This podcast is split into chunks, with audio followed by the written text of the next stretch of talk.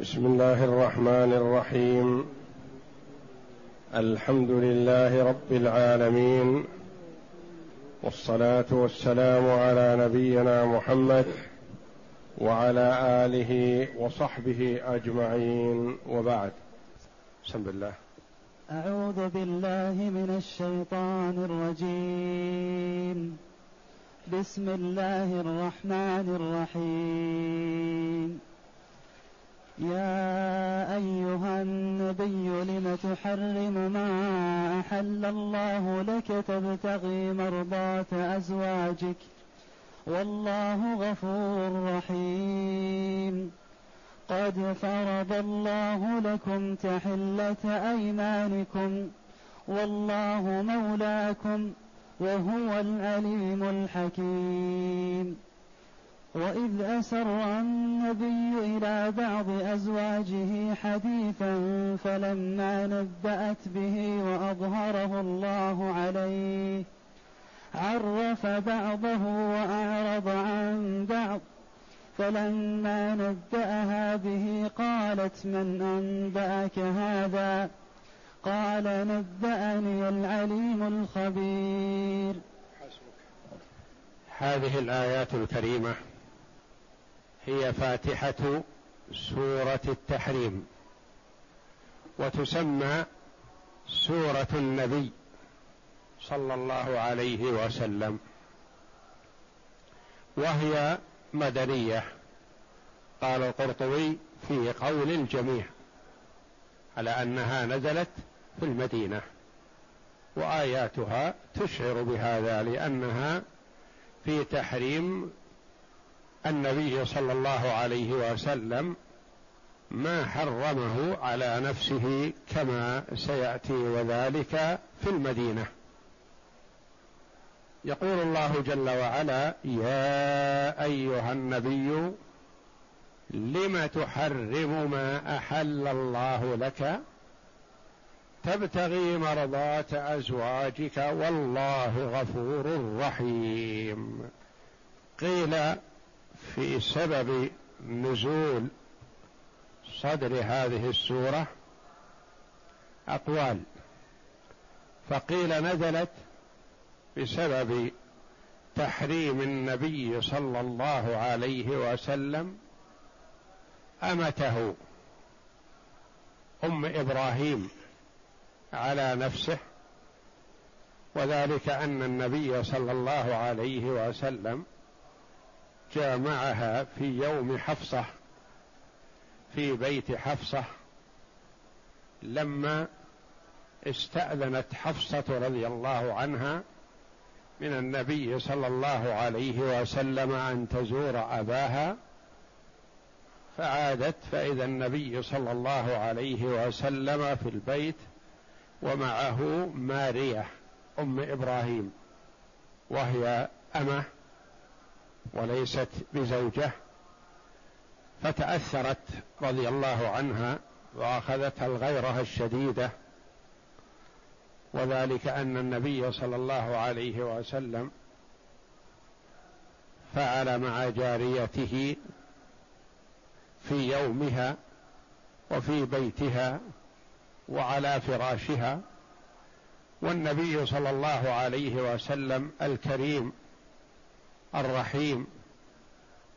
يحب إرضاء كل أحد وخاصة أهل بيته عليه الصلاة والسلام.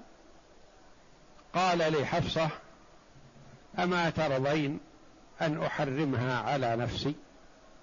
وحلف أن لا يقربها. فرضيت بهذا وأمرها ألا تخبر أحدا بذلك. لا عائشة ولا غيرها. وكانت هي وعائشة متصافيتين. فأسرت لعائشة بهذا الخبر لأنه يسرها. يسرهما أن يمتنع النبي صلى الله عليه وسلم عن مارية القبطية لانها قد تشاركهن فأسرت بهذا لعائشة رضي الله عنها فعلم النبي صلى الله عليه وسلم بذلك وعاتب حفصة لم تخبر؟ وقد قال لها لا تخبر؟ وهي أخبرت مجتهدة ظانة أن هذا لا بأس به. هذا قول من أقوال المفسرين رحمة الله عليهم. وقيل في هذا قول آخر وهو أن النبي صلى الله عليه وسلم قد يدور على نسائه بعد العصر. فيدنو منهن أو ممن شاء منهن عليه الصلاة والسلام. ولاحظت عائشة رضي الله عنها وكانت دقيقة الملاحظة وشديدة الغيرة على النبي صلى الله عليه وسلم وترى أنها لها حظ عند النبي صلى الله عليه وسلم فتتخوف أن ينافسها غيرها. فلاحظت تأخره عند زينب بنت جحش رضي الله عنها وأرضاها. فبحثت عن السر فوجدت أن زينب أهدي لها عكة عسل وكانت تعطي النبي صلى الله عليه وسلم منها. فتواطأت هي وحفصة أو هي وسودة وصفية على أن يحرما أو يحرمن النبي صلى الله عليه وسلم من هذا العسل. وكان النبي صلى الله عليه وسلم شديد الكراهية أن يشم منه رائحة ليست بطيبة وكان من أطيب الناس ريحا عليه الصلاة والسلام. وترك أكل شيء من الطعام لكونه فيه بصل لأنه يناجي الملائكة عليه الصلاة والسلام. فتواطأنا على أنه إن دنا إذا دنا من إحداهن أن تقول ما هذه الرائحة؟ أشم أكلت مغافير؟ فيقول عليه الصلاة والسلام ما أكلت مغافير. قال قلنا ماذا؟ نشم منك رائحة. فقال شربت عسلا عند زينب. فقال فقلنا أكلت نحله العرفط. يعني هذا النبت الذي له رائحة أكلته النحل فخرج العسل منهن في هذه الرائحة التي نشمها منك. فحرمه على نفسه فلما دار إلى زينب قالت تريد عسلا؟ قال لا والله لا أذوقه. ورفض عليه الصلاة والسلام لأنه كره أن يشم منه الرائحة. حتى إن صفية رضي الله عنها أو سودة تقول كدت أن أقول له ذلك على أول ما دخل مع الباب خوفا من عائشة رضي الله عنها لأنهن كن يحترمنها كثيرا رضي الله عن الجميع. فكادت أن تقول له هذا القول قبل أن يدنو منها لأجل لا تنسى. لاجل أن تقول له ما أوصتها به عائشة رضي الله عنها. فحرم على نفسه صلى الله عليه وسلم هذا العسل خشية أن يشم منه رائحة ليست بطيبة. والمغافير نبت حلو ينقط من بعض شجر مثل شجر الرمث وغيره مثلا يخرج منه حبيبات حلوة شبيهة بالعسل لكنها لها شيء من الرائحة. رائحة الشجر. فيقولن هل أكلت من هذه التي لها رائحة؟ فيقول لا ما أكلت وإنما شربت عسل. قالوا إذا جرست نحله العرفط. أن الشجر الذي له رائحة يعني أثر الشجر في النحل فأثر في عسل النحل فأثر في فم النبي صلى الله عليه وسلم. شم منه هذه الرائحة و كل هذا قصدا منهن رضي الله عنهن ألا يتأخر عند زينب بنت جحش ولا ينال عندها شيئا لم ينله عندهن. فأنزل الله جل وعلا لما حرم النبي على نفسه مارية أو حرم العسل على نفسه أو ما حرم عليه الصلاة والسلام أنزل الله جل وعلا عليه يا أيها النبي لم تحرم ما أحل الله لك؟ لم تمتنع عن شيء حلال أحله الله لك؟ تبتغي تطلب مرضاة أزواجك لترضيهن بهذا التحريم وهذا التحريم إن كان في تحريم مارية رضي الله عنها فهو يضيرها وتتأثر به وإن كان في تحريم العسل فهو حرم على نفسه عليه الصلاة والسلام شيئا يتوق تتوق إليه نفسه وتريده ويهواه. تبتغي مرضات أزواجك والله غفور رحيم. والله غفور. غفر لك هذا التحريم الذي حرمت على نفسك. رحيم بك. فلطف بك جل وعلا وبين لك ألا تحرم على نفسك ما أحله الله لك. والله غفور يغفر الذنوب. وهل هذا ذنب؟ قال المفسرون أو بعضهم هذا ليس بذنب. لأن للمرء أن يمتنع عما شاء مما أحل الله له. لكن هذا قالوا خلاف الأولى. الأولى للإنسان أن يستمتع بما أحل الله جل وعلا له من الطيبات.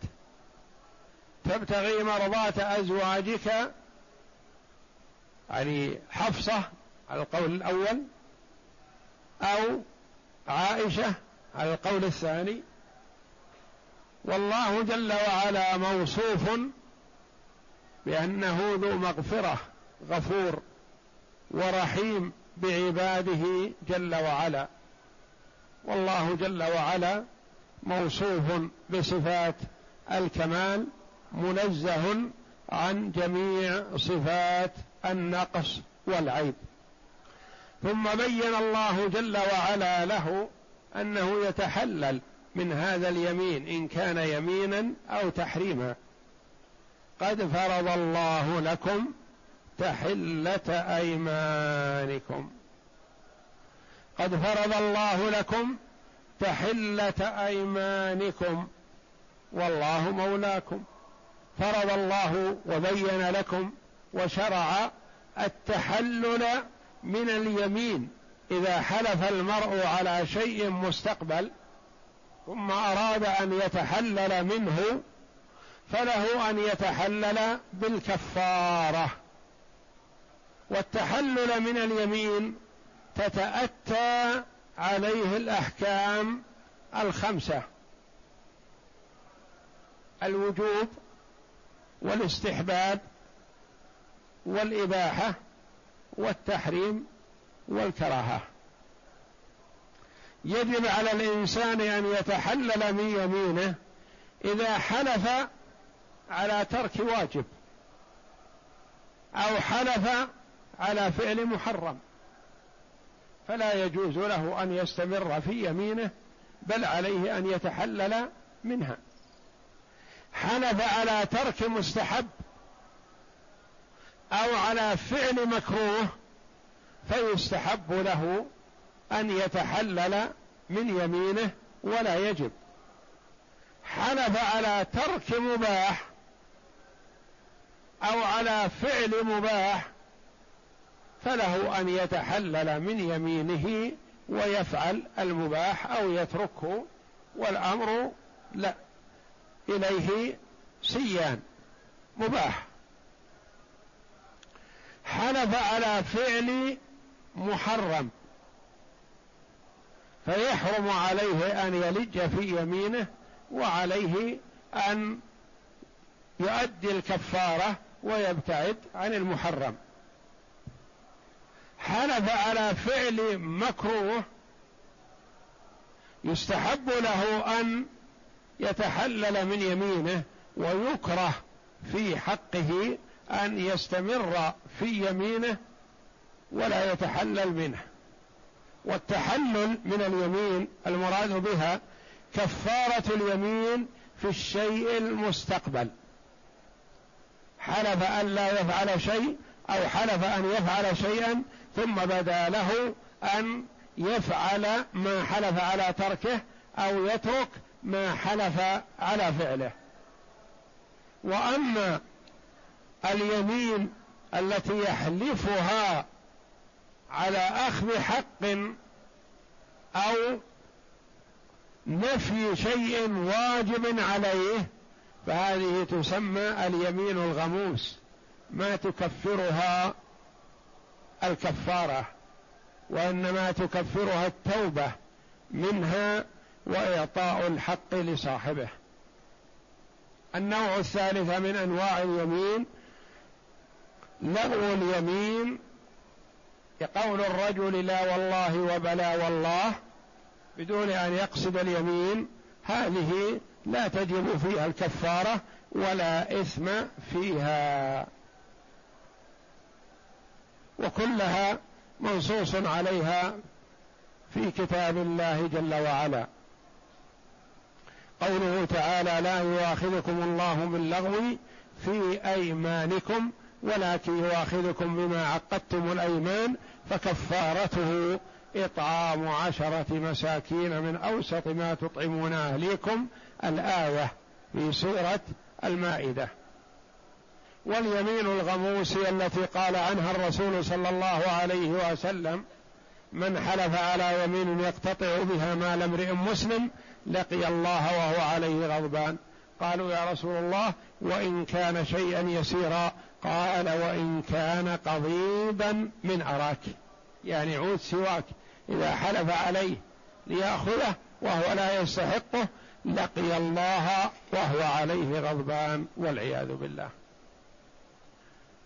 والنبي صلى الله عليه وسلم يقول إني والله إن شاء الله ما حلفت على يمين فرأيت غيرها خيرا منها إلا أتيت الذي هو خير وتحللتها.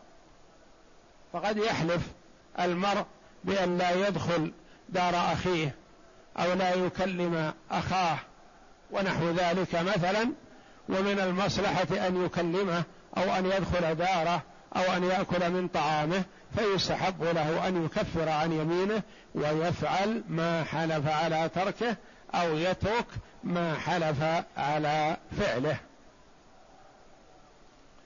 قد فرض الله لكم تحلة أيمانكم يعني التحلل من أيمانكم بالكفارة.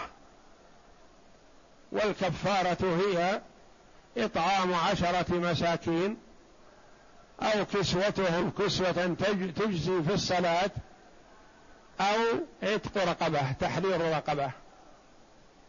فمن لم يجد واحدا من الثلاثة هذه الثلاثة هو في الخيار. أي واحد فعل أجزأه. لم يستطع واحدا من الثلاثة فعليه أن يصوم ثلاثة أيام. والأفضل أن تكون متتابعة خروجا من الخلاف. فكفارة اليمين واحد من أربعة أمور ثلاثة على التخيير والرابع على الترتيب بعدها. إذا لم يستطع الثلاثة ينتقل إلى الرابع الذي هو صيام ثلاثة أيام. يجهل بعض الناس يظن أن كفارة اليمين هي صيام ثلاثة أيام وليس كذلك بل الكفارة إطعام عشرة مساكين أو كسوتهم كسوة عشرة مساكين أو تحرير رقبة ومخير بين هذه الأمور. فإذا لم يستطع واحدا منها فينتقل إلى الرابع وهو صيام ثلاثة أيام. الإطعام هو إما أن يجمع المساكين فيطعمهم طعاما يشبعهم غدا أو عشاء وإما أن يملكهم كيلو ونصف من قوت البلد نصف الصاع. ونصف الصاع يزيد عن الكيلو والنصف قليلا والزيادة في الكفارة في الكفارات المالية مستحبة ومطلوبة ويؤجر عليها المرء. يعني مثلا إذا كان كفارة اليمين خمسة عشر كيلو مثلا وأخرج كيس من الرز أو من البر أو من قوت البلد فهو أفضل. كلما زاد في الكفارة فذلك أفضل. وإذ أسر النبي إلى بعض أزواجه حديثا هذا الحديث هو تحريم مارية القبطية أو تحريمه العسل أو أنه قال لحفصة كما ورد في بعض الروايات أنه يلي أمر المسلمين بعدي أبو بكر وبعده عمر. أبو بكر والد عائشة رضي الله عنها وعمر والد حفصة رضي الله عن الجميع وإذ أسر النبي إلى بعض أزواجه حديثا فلما نبأت به يعني ما صبرت أخبرت. وأظهره الله عليه أطلعه على أنها أخبرت. بهذا السر الذي أعطاها عرف بعضه وأعرض عن بعض. من كرم النبي صلى الله عليه وسلم ما كان يعاتب على كل صغيرة وكبيرة ولو عاتب عاتب على شيء ما وتجاوز عن أشياء عليه الصلاة والسلام. والكريم لا يستقصي في العتاب. فهو عليه الصلاة والسلام عرف بعض ما أسرت بما أظهرته وأعرض عن بعض فلم يعاتبها عليه عليه الصلاة والسلام. فلما نبأها به قالت من أنبأك هذا؟ يعني من أخبرك بأني أفشيت هذا الذي قلت لي. أهي عائشة؟ أم من هي؟ من أنبأك هذا؟ قال نبأني العليم الخبير. نبأني بهذا العلم الذي يعلم السر وأخفى. العليم بأحوال عباده. لا تخفى عليه خافية.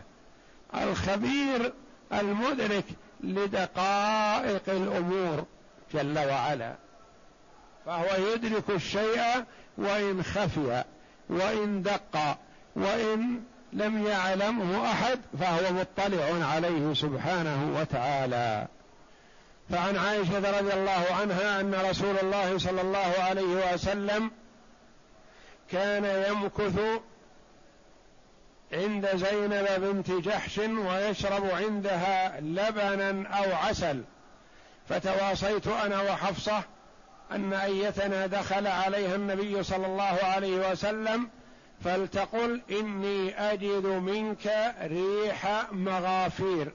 فدخل على إحداهما فقال ذلك له فقال لا بل شربت عسلا عند زينب بنت جحش ولن أعود.